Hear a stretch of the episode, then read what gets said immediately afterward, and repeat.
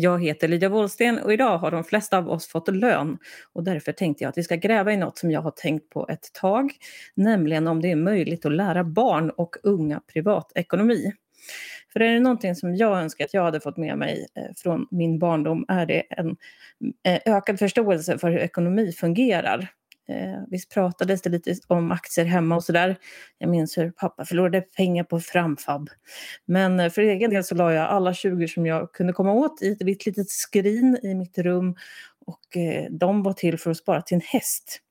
Men eh, tänker man så här i efterhand så hade jag lagt de här pengarna på börsen istället, ja då hade jag varit betydligt rikare idag.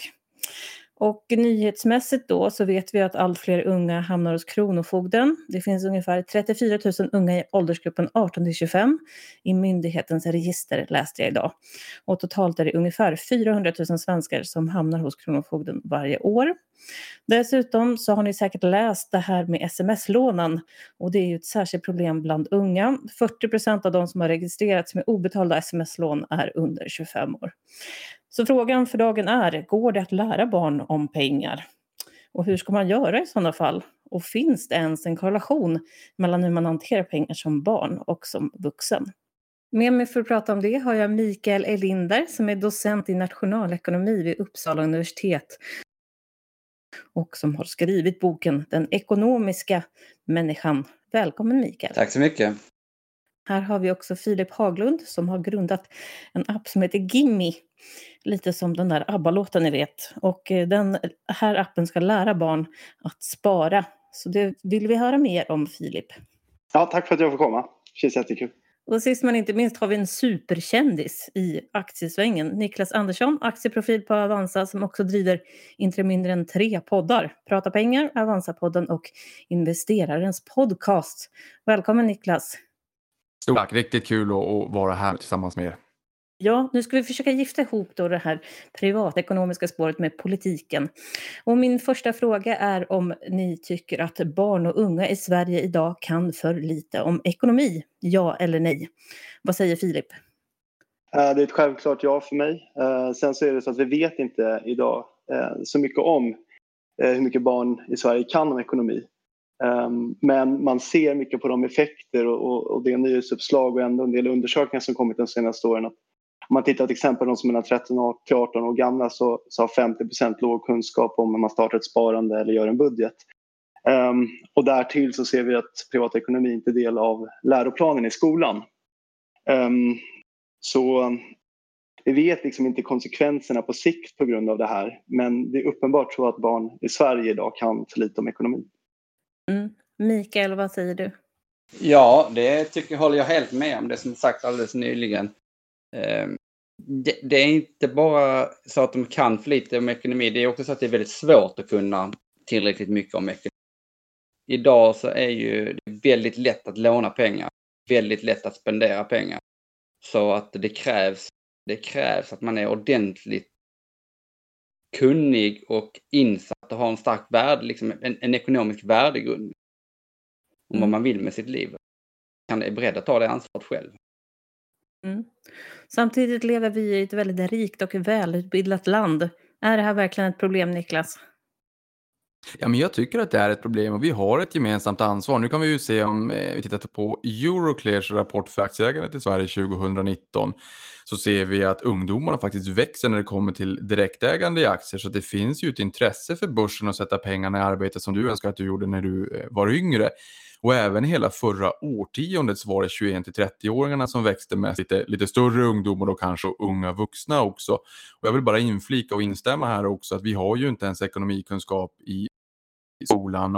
Eh, träkunskap och, och, och syslöjd och hemkunskap är viktiga moment och nu får man ju in programmering också. Men jag vill bara att man ska komma ihåg att privatekonomin är ju någonting som berör alla. Man kommer inte ifrån det oavsett om man vill eller ej. Så det är också ett viktigt ämne.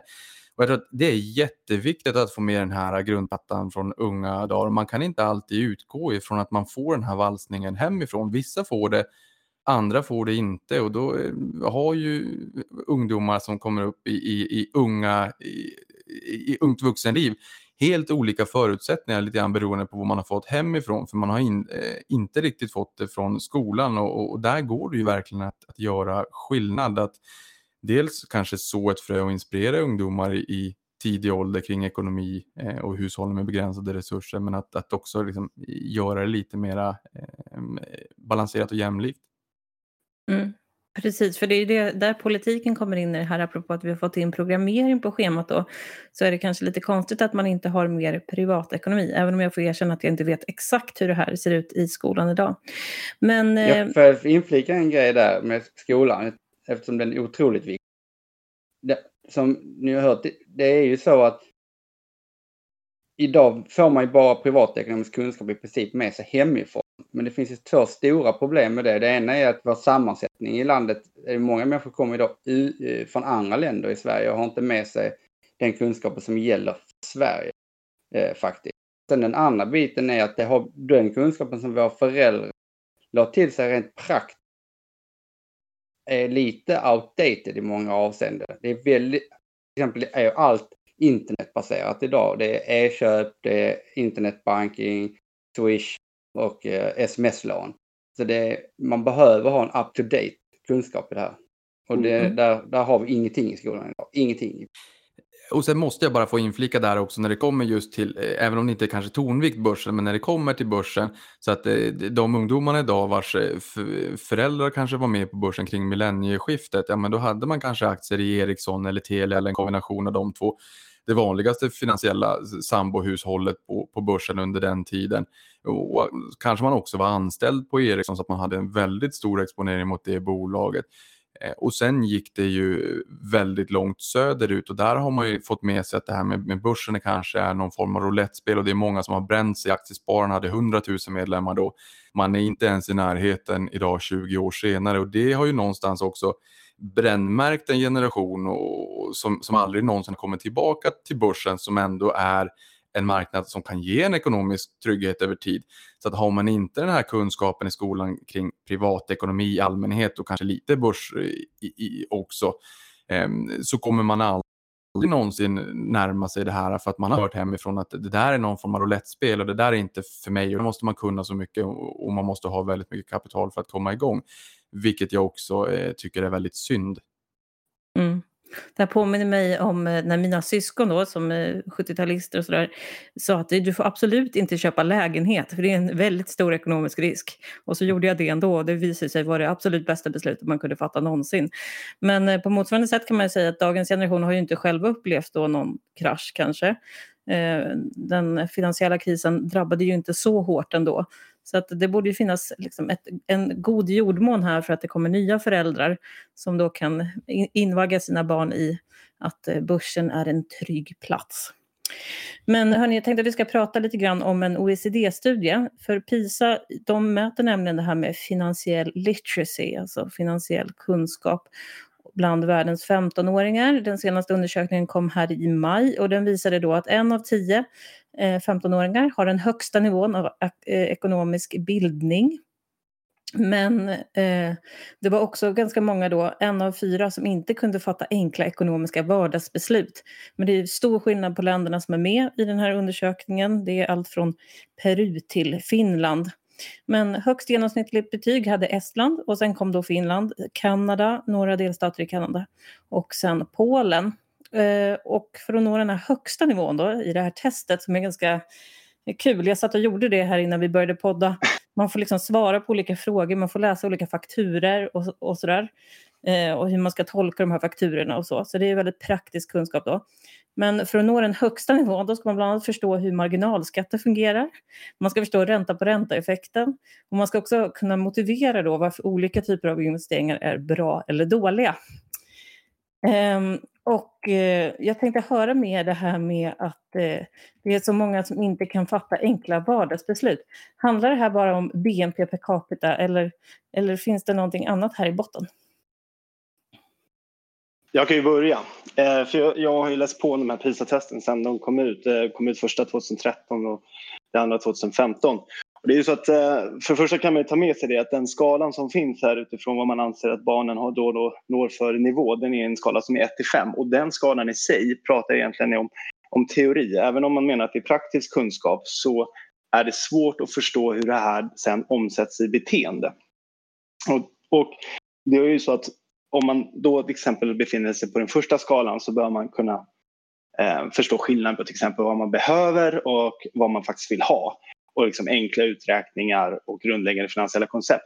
Men det finns idag inget som säger hur väl det är kopplat till ens beteende, och vad man faktiskt väljer att göra med pengarna.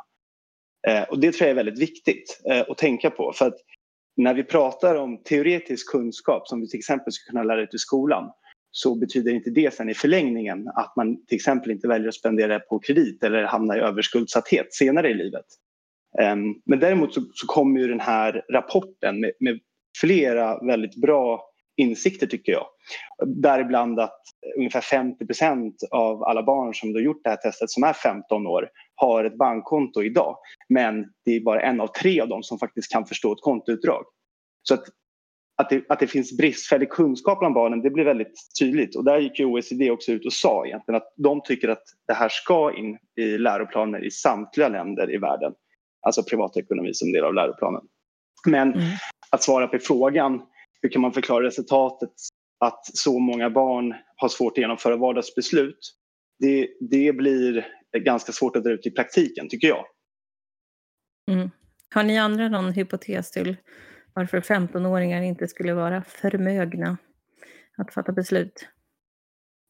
Det, det handlar ju framförallt, skulle jag säga, om att det är stor, extremt stora lockelser överallt. Det är otroligt lockande att sätta sprätt på pengar varje dag. Eh, och där måste, det handlar ju det handlar ju om att få in det här med, med värderingar, alltså ekonomiska värderingar.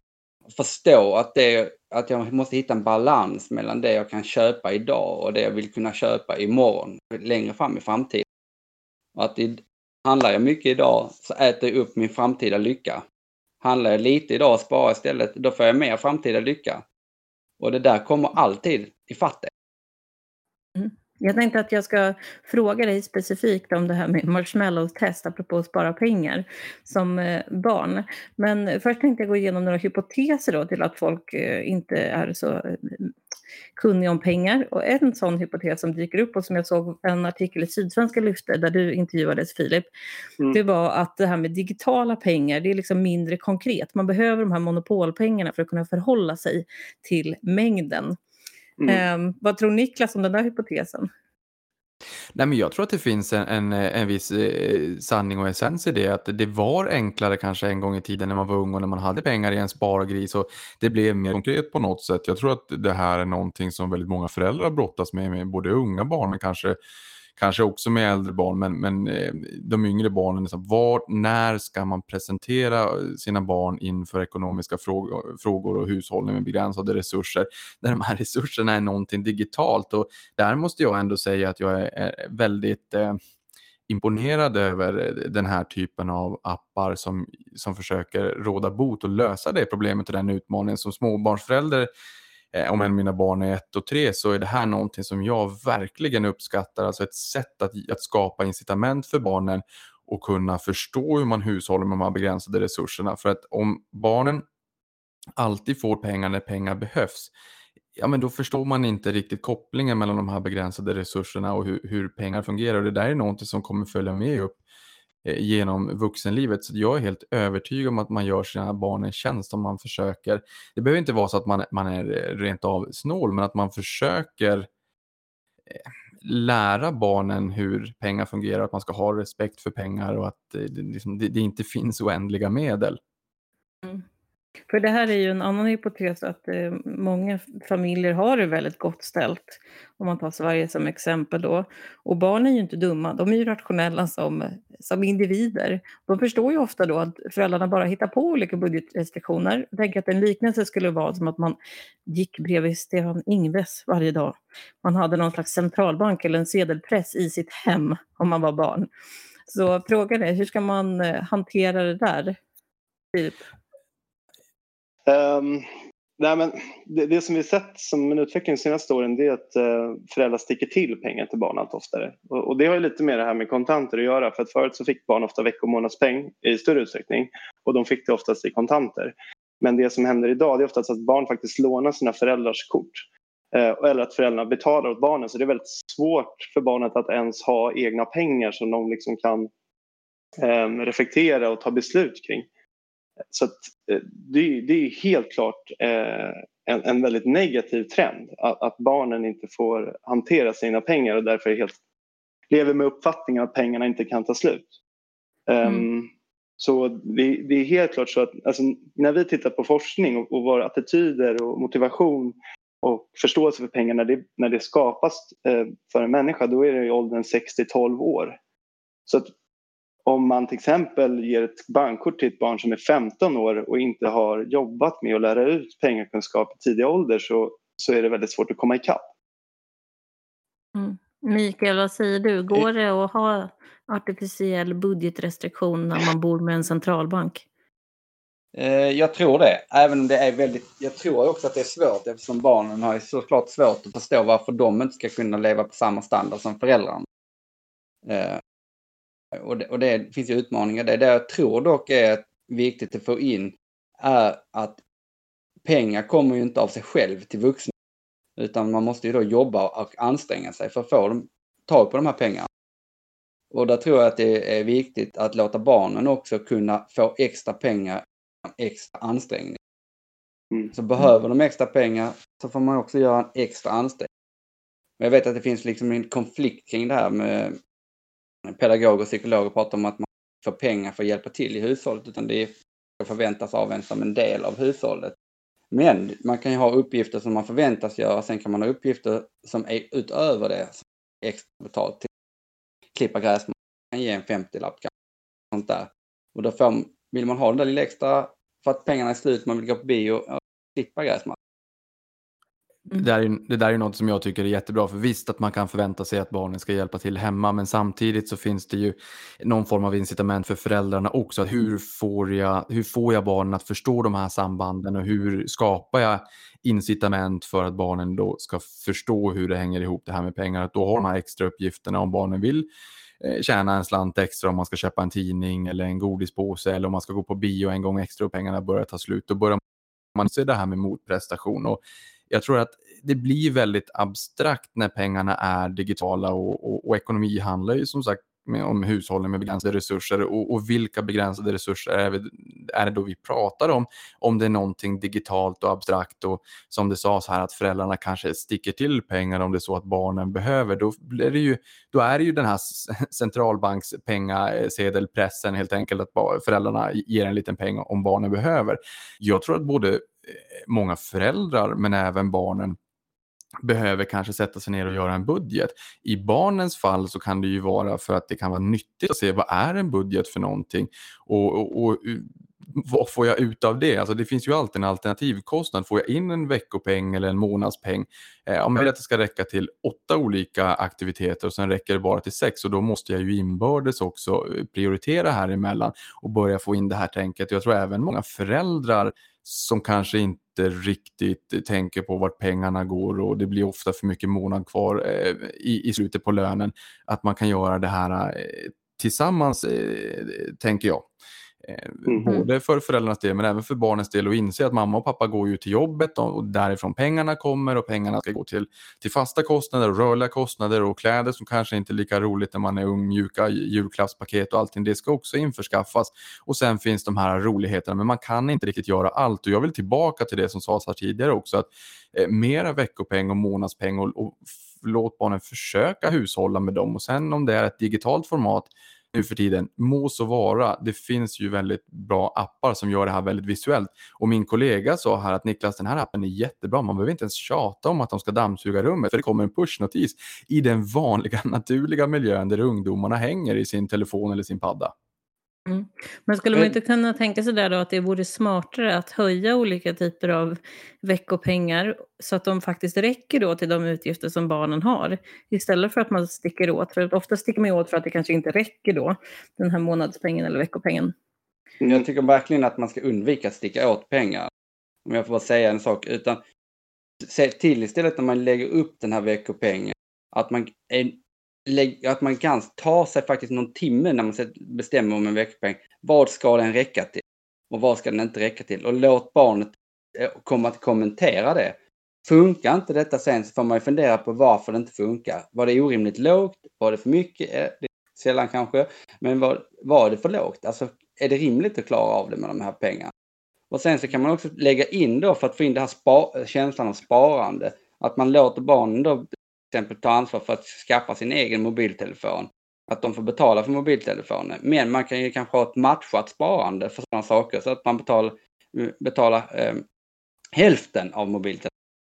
De mm. barnen får betala hälften själv. Så man mm. uppmuntrar sparande.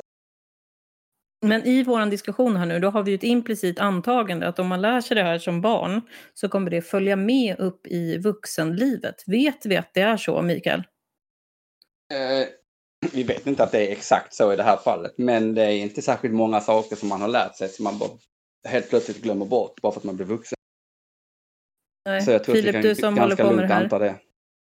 Eh, man kan se tydlig korrelation mellan hur man äh, lär sig och hur tidigt man börjar få hantera pengar. Um, och däribland också på, på kortnivå och uh, hur mycket betalningsanmärkningar man har senare i livet. Så det finns, det finns alltså en tydlig koppling där. Eh, och, och, det är så att det man lär sig i tidig ålder, ja, det, det har man med sig. Um, sen skulle jag bara säga också att det viktiga i det här, det är lite som ni är inne på, det är att låta barnen göra misstag.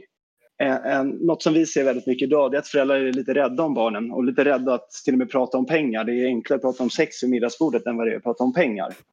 Men man måste våga barnen göra misstag i tidig ålder för det är ofta som misstagen de lär sig. Det kallas för feedback loop och det, det gäller egentligen alla människor men när vi tar ett beslut och ser konsekvenserna av det, då, det är där vi lär oss. Eh, jag, jag kommer ju från fotbollen så jag är fotbollsspelare i grunden men det hade ju aldrig funkat om man bara satt vid taktiktavlan. Så det, barnen måste få hantera sina pengar, de måste få göra fel. Det, det är superviktigt. Ja, och där blir det väl också, gör man fel i tidig ålder så blir det ju en, en ganska billig lärpeng också. Det är mycket billigare att barnen gör fel i ung ålder och lär sig av det, där man kanske också är mer mottaglig och suger åt sig det där och kommer ihåg det, snarare än att man gör mycket, mycket mer kostsamma fel senare i livet. Och jag kan tycka att när barnen börjar bli lite större, när, när det bara är en 3, 4, 5, 6 år kanske kvar innan man, eh, man kanske flyttar ut och, och, och, söker sig till ett eget boende. Det här är en, en, en fråga tror jag, som kly, kluver, kluver eh, som gör många lite kluvna kanske, men, men låt barnen betala för sitt uppehälle hemma om det är så att barnen börjar jobba eh, och samla ihop den pengen och sen så ger man den pengen till barnen i startkapital när de flyttar. Då. Eh, och låt dem vara med och, och betala räkningarna också eh, så att man liksom valsar in dem. Det här blir alltså lite äldre ungdomar, då, men att man, man valsar in dem i den här vardagsekonomin och att de får betala och inse att jag kan inte göra allt det här roliga för en del kostnader liksom, för mat och kläder och boende och sådär. Eh, och sen kanske man då, man, även om vi sa att man inte skulle sticka åt ungdomarna pengar, men, men då kanske de kan få den slanten när de flyttar hemifrån om, om man så vill. Men då har de ju blivit lite invalsade. Det, det, kommer ju inte som en chock den dagen heller. Man står där med eget boende och det börjar dimpa ner räkningar och man inser att den här fantastiska räntan på 3% som det gjordes reklam om på radion under mellandagsrean, det var ju inte 3% i årstakt, det var ju 3 i månadstakt, så den effektiva räntan är ju, var ju skyhög och så sitter man med skulder. Mm.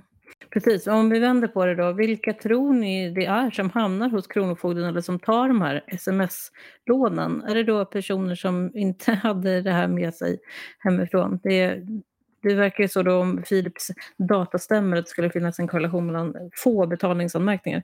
Men vad kännetecknar de här barnen som har hamnat i de här skuldfällorna tror ni generellt? Ehm, det finns svar på det och det är faktiskt kopplat till det som man pratar om, financial literacy, alltså svenskt översatt på akademisk nivå så blir det finansiell läskunskap. Men alltså man ser en, också att de, som, de barn som växer upp och har en lägre finansiell läskunskap har en större chans att bli överskuldsatta senare i livet. Och det är det här Kronofogden bland annat pratar om för att de har en mindre förståelse, precis som vi sa här då, att de kanske skaffar ett lån med en ränta som de inte förstår sig på. Eh, och de köper för pengar som de kanske inte har för att de handlar med krediter. Då mycket av det, den konsumtion vi ser idag sker idag online. Och effekterna är, är, är väldigt eh, jag ska säga, miserabla. Men alltså de som är överskuldsatta har tio gånger så hög frekvens i självmord och de har två gånger eh, så eh, dålig psykisk hälsa. Så man kan, man kan se att det här följer med senare i livet och får väldigt starka konsekvenser. Men det vi inte vet idag det är så att de barn som har testat sin finansiella läskunskap de har fortfarande vuxit upp med kontanter. Så det hela digitala skiftet vi ser, det vet inte vi effekten av idag. Så vi kan förvänta oss att de barn som kommer testas för finansiell läskunskap på fem eller tio år ser tyvärr ut att få sämre finansiell läskunskap samtidigt som hela landskapet blir extremt mycket svårare att, eh, att röra sig inom då man befinner sig mer online, mer reklam, mer krediter och det är trots allt lite av en konsumtionshets. Jag måste bara få flika in där kring konsumtionshetsen också. Jag läste en rapport från eh, från, eh, eller eh, ett inlägg från Nasdaq, den amerikanska börsoperatören, som sa att millennials är den största befolkningsgruppen i USA, de 23 till 38-åringar. Och de hänger, om man så säger, mycket i sociala medier. Och där var det väldigt, väldigt många människor, nästan en majoritet, som sa att man Ehm, man tar köpbeslut baserat på vad man ser att andra eh, har köpt i sociala medier och man känner en press. Och där tror jag också att det blir väldigt enkelt att man hamnar i någon form av överkonsumtion för man ser ehm, eh, folk som eh, kanske köper många dyra saker. Många i den här studien eh, sa att man funderar hur, eh, hur de har råd att finansiera de här sakerna. Men då vill man inte vara eh, sämre själv helt enkelt och då tar man, ehm, då köper man grejer så köper man det på kredit. Och kredit även i Sverige nu för tiden har ju normaliserats än mer. Så att min takeaway där var ifrån, därifrån var att den här enorma pressen på, på ungdomarna idag via sociala medier och den konsumtionshetsen eh, är enorm. I USA är två tredjedelar av amerikansk ekonomi är ju konsumtion och millennials är den största befolkningsgruppen. Ehm, och, och de känner sig pressade. Mm. Det där är ju en del. En annan del som jag tänker på det är ju om jag skulle tänka då spontant på de som hamnar hos Kronofogden eller så, då tänker jag att de har vissa personliga egenskaper, till exempel att man kanske har bristande impulskontroll. Om man skulle titta på den här gruppen, vad, vad är det som kännetecknar dem? Och att det kanske skulle vara mer kännetecknande. Och det kopplar ju tillbaka till den här gamla tanken, den här marshmallow-testet, att redan när man är barn så har man liksom olika förmåga att stå emot olika frestelser för en vinst på längre sikt.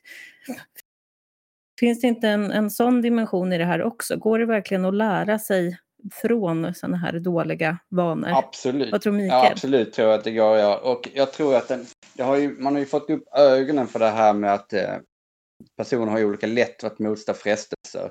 Men några andra som fått upp ögonen för det är ju också de eh, som riktar sig till ungas pengar så att säga för att försöka få tag på dem. Och det handlar ju bland annat om att det har, ah, det har aldrig varit så lätt att spendera pengar som det är nu. Du kan ju komma hem från krogen sent en kväll, ta ett sms-lån och spendera det på ett online Bums! Och du kan göra det hur många gånger som helst i princip och hamna i en, på en kväll så kan du utan vidare hamna i ett livs eh, skuldfälla. Och så var det inte, så, så lätt var det faktiskt inte att spendera pengar för 20 år sedan, 30 och det tror jag inte så vad vill du att... göra? Införa nya trögheter då? Så man kan... jag, jag, tror att, eh, vi, jag tror att vi måste lära oss att förstå att vi är utsatta för de här lockelserna och lära oss hantera dem på ol, olika sätt. Ett sätt som jag försöker lära till mina barn är att säga så här, om de vill ha någonting, så, som de gärna vill, någonting som de gärna vill köpa, säga okej, okay, men bestäm dig för att du ska köpa det. Men bestäm dig då samtidigt att du gör det om en månad. Så mm. Säg, säg till dig själv, okej okay, det här är en jättehärlig grej, jag vill ha den, jag tar emot den och jag bestämmer mig för att köpa den. Så känns det ganska bra just i den stunden. Det känns inte som att jag inte kan få den. Men det känns att jag kan få det här. Och sen en månad senare, vill du fortfarande ha den då, så köp den då. Mm. Oftast vill man inte ha den längre. Jag måste bara säga ett kul motargument som jag hörde från en tjej som går första ring. Hon har tre extrajobb, väldigt ambitiös person. Och hon sa då att ja, men eh, allt annat lika så kommer jag börja tjäna mycket mer pengar snart. Och det betyder att de här pengarna som jag tjänar nu, det är inte så stora summor, men de har ett större värde för mig just nu än vad de kommer ha snart. För snart kommer de bara vara en liten delmängd. Och därför är det då smart av mig att spendera upp dem medan jag liksom har en, en relativ eh, rikedom här nu. Är inte det, är inte det, det rationellt, det, Niklas? Det, Ja, det, det, är ju, det är ju lite lustigt sagt av henne i och för sig. Hon, eh, Eh, men ja, jag kan väl inte riktigt hålla med. Alltså, ju mer du konsumerar idag, desto, desto större grop kommer du ju att gräva framåt. För jag menar, varje krona som du spenderar på kredit idag, det är ju en krona som du tar från framtida inkomster, även om det är så att inkomsten förväntas öka. Det har hon ju faktiskt rätt i. Eh, ja, ja, alltså hon har tjänat ihop pengarna. Hon menar bara att de här pengarna är de facto inte särskilt stora. Men just nu är de stora för att jag inte har någonting annat. Men snart kommer jag ha mycket mer. Nej, det är fullständigt rimligt för henne tycker jag. Jag skulle också säga att om, om, man tänker så pass rationellt så skulle jag gissa att hon får väldigt hög score på financial literacy och jag skulle, skulle gissa att det, det går ganska bra för henne längre fram. För det är, det är sant det hon säger. Och det, det, det finns ju, när man pluggar ekonomi så får man ju lära sig lite av de här grejerna. Mm. Um, men sen är det ju, alltså om man pratar om, ska man konsumera alla pengar? För det, det som har hänt är att vi idag är överskuldsatta. Så om vi tittar generellt över befolkningen så, så alltså är vi i skuld. Så att till mm. exempel i hennes fall så, så är ju inte hon i skuld. Så hon ligger ju fortfarande um, och spenderar sina tillgångar. Så att, uh, skulle man sätta henne i relation till befolkningen så skulle hon vara på den, den bättre halvan. Men det här betyder ju att det, det, kanske kan vara rationellt för barnen då att bara spendera upp allting för att snart kommer de här pengarna inte vara särskilt stora. Och det kopplar ju till dig Niklas, för du sparade ihop din första miljon som 25-åring. Vad var det för fel på dig då? Ja, nej, men jag skulle vilja säga att felet på mig var väl kanske dels, eh, vet inte jag i hur stor utsträckning som det är sant, men jag kommer från Boden, från Norrbotten och där pratades det inte om ekonomi, det pratades definitivt inte om eh, börsen och, och Eh, den hittade jag väl till egentligen när jag jobbade extra vid sidan av gymnasiet och eh, skulle placera eh, premiepensionen då när jag fick eh, brev från Pensionsmyndigheten och insåg att jag kunde sätta pengarna i arbete. För, för väldigt, eh, spara pengar har jag gjort hela mitt liv, men då insåg jag att jag kunde sätta pengarna i arbete. Det hade jag inte insett tidigare och, och aktier Eh, det kom jag inte nära i skolväsendet förrän gymnasiet. Så felet på mig var väl kanske att jag inte föddes med, med silversked i mun och alltid fått eh, jobba ihop mina egna pengar och den friheten och frihetskänslan jag kände eh, när jag hade fått ihop eh, pengar.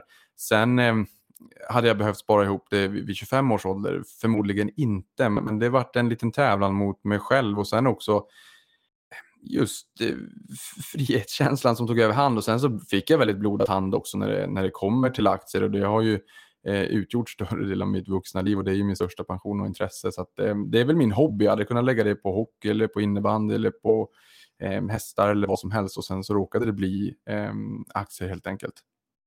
Mm. Men eh, om du skulle ha tjänat ihop din första miljon när du var 20 istället då, det är ganska mycket, fem års skillnad. Um, ehm, tror du att du hade kunnat gjort det om du hade blivit mer sporrad hemifrån? För det låter som att du inte riktigt blev det då. Ja, men det hade jag nog absolut. Nej, jag blev väl inte riktigt spårad. Vi har inte pratat ekonomi, vill jag minnas, alls under eh, min uppväxt. Eh, och det är väl klart att jag hade kunnat nå den, det, den milstolpen mycket tidigare, men sen i efterhand eh, hade det förändrat mitt liv? Nej, det hade det väl inte gjort, men jag hade väl förmodligen velat hitta till börsen och hittat den här eh, kunskapen om hur samhället och samhällsekonomin fungerar och att eh, hur, hur allting hänger eh, samman. För det är minst lika roligt att få ihop en slant pengar och känna ekonomisk trygghet som att eh, hitta till det här intresset, förstå hur pengar hänger ihop, hur man kan bygga en ekom ekonomisk trygghet över tid. Jag hade väldigt, väldigt gärna hittat till det här tidigare. Jag, menar, jag sprang runt i, i hela Boden och sålde jultidningar och sen så när det skulle levereras då fick min pappa köra runt med bilen. Så att den här positiva nettoeffekten för mig var väl kanske noll på ett, på ett aggregat i familjen. Eh, men jag hade jättegärna sett att någon hade liksom, eh, öppnat ögonen för mig lite tidigare eh, när det kom börsen. Där var jag en, en, en 15-16. Men jag hade velat hitta till det här ännu tidigare. Inte för att det hade krävts av mig och inte för att jag inte sitter i en okej okay situation idag. Men jag hade gärna sett att någon hade förklarat det här tidigare, i tidigare ålder. Och om jag blickar tillbaka och reflekterar så har, jag, har vi inte fått speciellt mycket valsning alls i utbildningsväsendet och i, i mitt fall inte heller från min familj. Så att jag får väl bara säga att jag har haft tur som har hittat till det här intresset och fått en god ekonomisk grundplatta. Mm. Filip, ni vill ju göra det här till en folkrörelse då, att föräldrar ska lära barn om ekonomi genom er app. Kan Mm. du berätta lite grann mm, hur den funkar och vad idén är? Jag började med det här 2014 så det jag faktiskt gjorde var att jag gick till svenska banker och frågade om vi inte skulle utveckla en mobilbank som var anpassad för barn. För, för det jag såg egentligen var att det, det inte fanns funktioner vare sig för veckor och månadspeng eller för uppgifter som vi pratade om eller som att till exempel sätta upp sparmål och visualisera de bitarna. Och så det kom utifrån att det är väldigt få banker idag eller egentligen ingen som, som barnanpassar sina finansiella tjänster. Och det gör i sin tur att barn blir exkluderade från att hantera digitala pengar. Ehm, sen dess har vi jobbat med den här. Så att, eh, i, idag så har vi ungefär 20% av alla barn som är 7 till 13 använder sig av Gimmi i Sverige. Och det vi gör det är ju att vi, vi har byggt de här funktionaliteterna just för att de ska kunna tjäna, spara och spendera sina pengar. Och där, där bygger vi olika funktioner tillsammans med i samarbete med ungefär sju universitet. Och senast i höstas tog vi fram den första läroplanen inom privatekonomi som vi nu utvecklar och implementerar i Gimmi-appen. Så vi tror också väldigt mycket på e-learning. Vi tror att man kan lära sig via digitala plattformar och att det också gör att det blir möjligt för alla. Så, Mm. så det ser ut idag är att um, du är lite beroende av den bank dina föräldrar har. Så du, du får ju kanske ofta den mobilbank som, som dina föräldrar är bank i och det är inte barnanpassat och korten är inte barnanpassade. Så det, det är det vi har jobbat med. Um, så det, ja. Jag minns eh, när jag var barn, då fanns det något som hette Cash Card som var Ja. någon slags kort som eh, föräldrarna kunde sätta in pengar på. Så jag kunde använda det då som ett vanligt kort, men annars hade det noll funktionalitet. Det var fullständigt meningslöst faktiskt. Man fick springa till en sån här kontantmaskin som stod vid tunnelbanan och plocka ut kontanterna. Så det, det blev inte riktigt nå- det blev inte riktigt Men- mycket bättre kanske. Men vad är det man ska tänka på då, apropå det här med marshmallow-test och så? När man utvecklar en sån här app och då vill uppmuntra till exempel barn till att spara pengar. Hur, hur tänker man där? Eh, det första var vi inne på det är att barnen får välja själva vad de vill göra med sina pengar. Så till exempel i Gimme-appen så kan ju barn välja då att eh, spara sin vecko eller månadspeng till det sparande de har satt upp. Och där kan också föräldern välja att ge en ränta. Så det som händer är att eh, om man sparar sina pengar så växer då pengarna på, på barnets sparkonto i appen. Så det, Mhm, Så föräldrarna sätter räntan? ja exakt. Ja, då kommer vi tillbaka till det här, vad, vad föräldrars roll är. Här är det både centralbank och marknad och hela, hela paketet. Jag tror för föräldrar så föräldrar har väldigt mycket att göra idag och de har jobb och de har massa saker att hålla reda på och föräldrar, precis som vi nämnde innan, har kanske inte själva alltid den ekonomiska utbildningen. Så jag skulle säga att det är upp till digitala hjälpmedel att försöka bygga det till föräldrar så att det blir enkelt för dem. För jag tror man kan inte förvänta sig att föräldrar ska kunna vara ekonomilärare. Föräldrar har inte den, det ansvaret på sig när vad gäller andra ämnen i skolan. Så att det vore konstigt om det var så inom privatekonomi. Mm. Mikael, har du något tips på hur barnen kan komma runt sin kortsiktighet? Ja, det är ju naturligtvis som ni varit inne på innan att man måste få känna på de här misstagen. Misstagen måste vara lagom. Lagom tunga. alltså. Och hur hittar man den här balansen då? Ja, problemet där är ju att föräldrar, som förälder måste vi acceptera att barnen blir ledsna. Mm. Besvikna. Mm. Och Just det. påminna oss om att den lärdomen har de glädje av på lång sikt. Att vår uppgift som föräldrar är inte att enbart göra barnen lyckliga idag. Utan vår uppgift som föräldrar är att för, förbereda barnen för ett långt liv. Jag tänkte att vi ska gå över till den sista frågan då för att koppla tillbaka till det här med politiken och vad man kan göra. Och i den här eh, PISA-rapporten då står det ju om väldigt många länder och vad de gör för särskilda satsningar för att höja barnens finansiella läsförståelse. Och i Estland till exempel, då såg jag att i mars då är det så att då får bankföreningen komma in på högstadium och gymnasium och hålla olika lektioner i privatekonomi.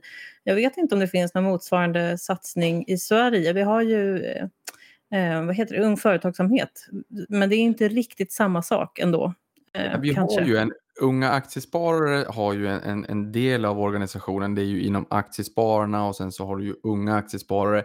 Men de har ju även en utbildningssatsning som heter Ung Privatekonomi där man eh, träffar närmare 30 000 gymnasieelever varje år och då pratar man ju inte om aktier utan de pratar mera om eh, privatekonomi eh, under en timma där man, där man eh, åker ut och föreläser till olika gymnasieklasser. Så det är ju en satsning av flera. Jag skulle väl också kunna tycka att man skulle kunna få in investera i den gamla klassikern Lyckoslanten spara och slösa. Eh, att även där i ung ålder och det, det, dagens moderna variant av det, det kanske är den här typen av appar där ungdomarna ändå hänger och där man kan skapa positiva associationer eh, mellan eh, de eh, sysslorna man gör, att man dammsuger eller vad det kan tänkas vara och att det liksom översätts till ytterligare ett biobesök eller ett dataspel eller vad det kan tänkas vara. Mm.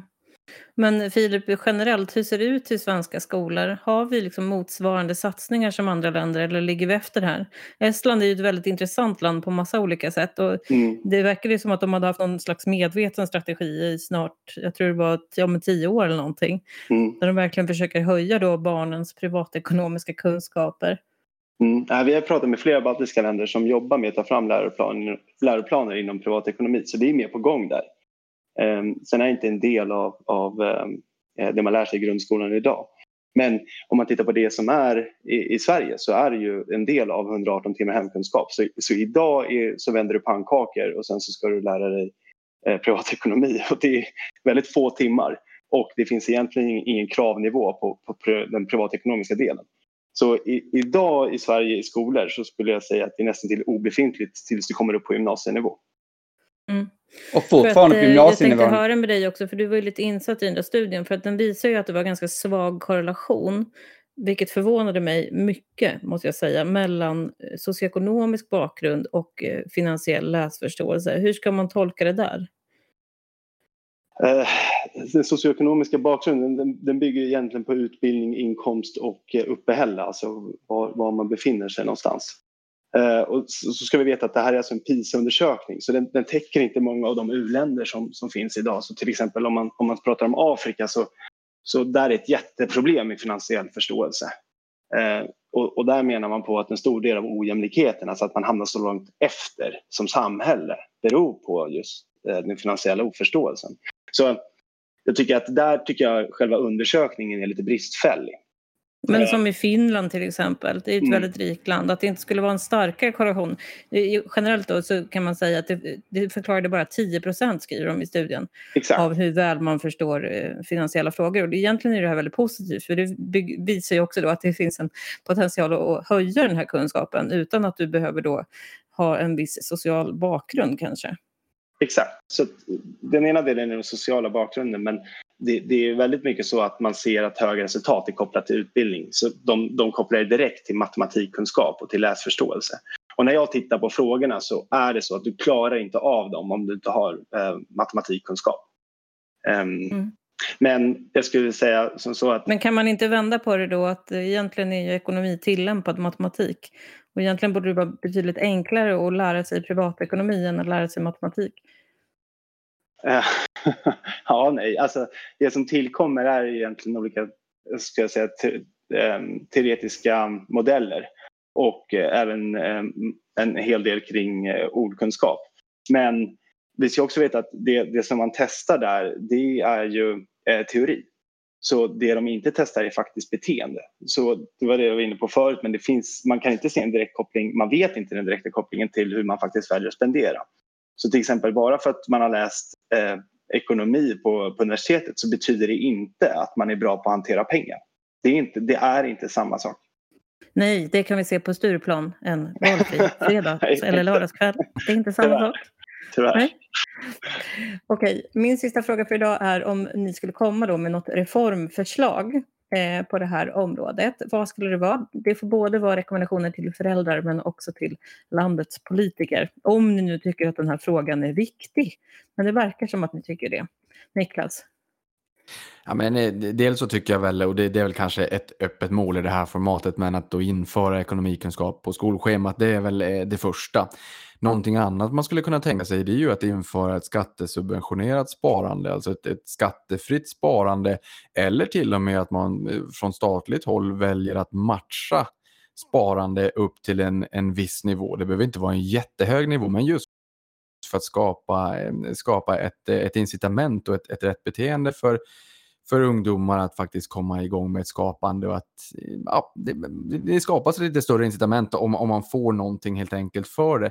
Och det tycker jag man även kan göra på hemmaplan, att om det är så att ungdomarna, där hem, barnen eller ungdomarna eh, väljer att eh, spara pengar, som får någonting mer imorgon, det här med smällow-testet som vi pratade om, ja men matcha den pengen då.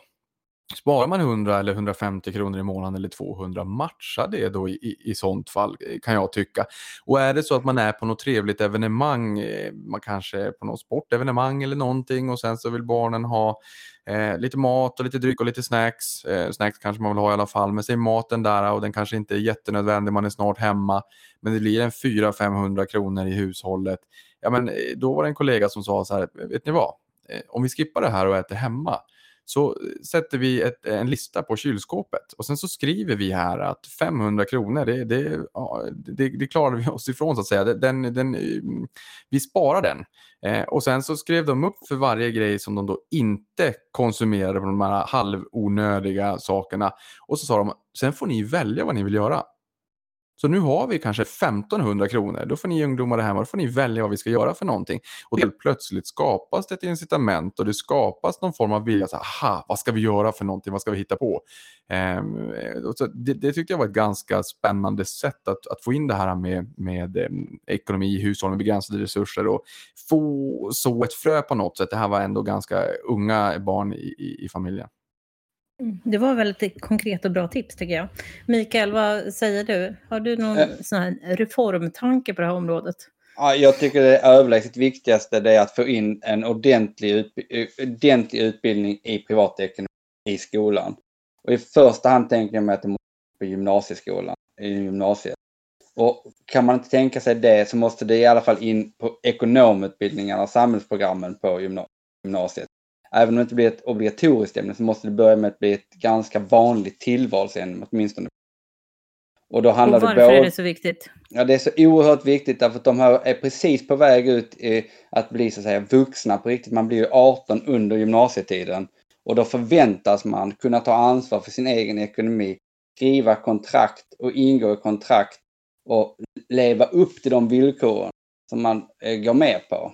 Om det är hyreskontrakt, mobilabonnemang, sms-lån, kasinoverksamhet etc. Det spelar ingen roll. Man förväntas, man förväntas som vuxen kunna hantera dem. Men då måste, jag tycker det är fullkomligt rimligt av vad som samhället ger de rimliga förutsättningar att klara av de här bitarna. Mm. Filip, om Mikaels förslag här blir verklighet, betyder det att din app kommer konkurreras ut? det tror jag inte. Jag tror att det är win-win. Men jag Eh, om jag också får ett reformförslag. Så, ja. Um, jag har tänkt jättemycket på det Jag har pratat mycket med politiker eh, och senast 2019 så kom det en motion um, på riksdagsnivå där man föreslog att man skulle föra in privatekonomi i, i, i läroplanen. Uh, den, slogs, alltså, den klubbades igenom på riksdagsnivå och hamnade hos utbildningsutskottet. Problemet som uppstår där det är att vi inte har lärare som är utbildade för att lära ut privatekonomi. Och det andra är att vi inte har något material. Så vid införande av nya ämnen så förväntas det ta väldigt lång tid. Och när jag tittar på, helt avgörande för att vi ska få finansiellt välmående och finansiell förståelse, det är utbildning. Och det jag ser, om vi ska lyckas med det här, så måste det vara eh, e-learning. Alltså det måste vara utbildning som sker digitalt. Och när jag tittar på utbildning och hur snabbt vi har tagit upp e-learning de senaste 12 åren, då har vi tagit upp det snabbare än hur vi tog upp mobiltelefoni när det kom. Så vi kan förvänta oss att på global basis att vi har med närmare 90-95 procent kommer lära sig vad det nu är för ämne via sin dator eller mobil. Och det tror jag verkligen kommer förändra eh, väldigt mycket. För alltså, det kommer bli mycket mer jämlikt för en person i Afrika kommer kunna få samma utbildning som en person i USA. Och skalbarheten på det vi kan lära ut, det kommer vara enormt. Så vi kommer kunna lära ut det bästa till otroligt många människor. För idag är uppkopplingen via både mobiler och datorer extremt utbredd. Så mm. mitt reformförslag är såklart att vi måste subventionera och vi måste investera i e-learning. Inom privatekonomi då. Ja. Och det här hade ju gjort att eh, Niklas då hade fått kontakt med, om det här hade funnits på hans tid när han var barn så kanske han hade suttit där och klickat sig fram till sin första miljon betydligt tidigare. Men det gick ju bra ändå. Och eh, med det så får jag säga tack till er alla tre. Eh, jättekul att ni kunde vara med. Eh, Mikael Linder, docent i nationalekonomi vid Uppsala universitet, Filip Haglund, grundare av appen Gimmi och Niklas Andersson som är aktieprofil på Avanza. Om ni har frågor så hör ni av er till ledarsidan svd.se. Tack för idag!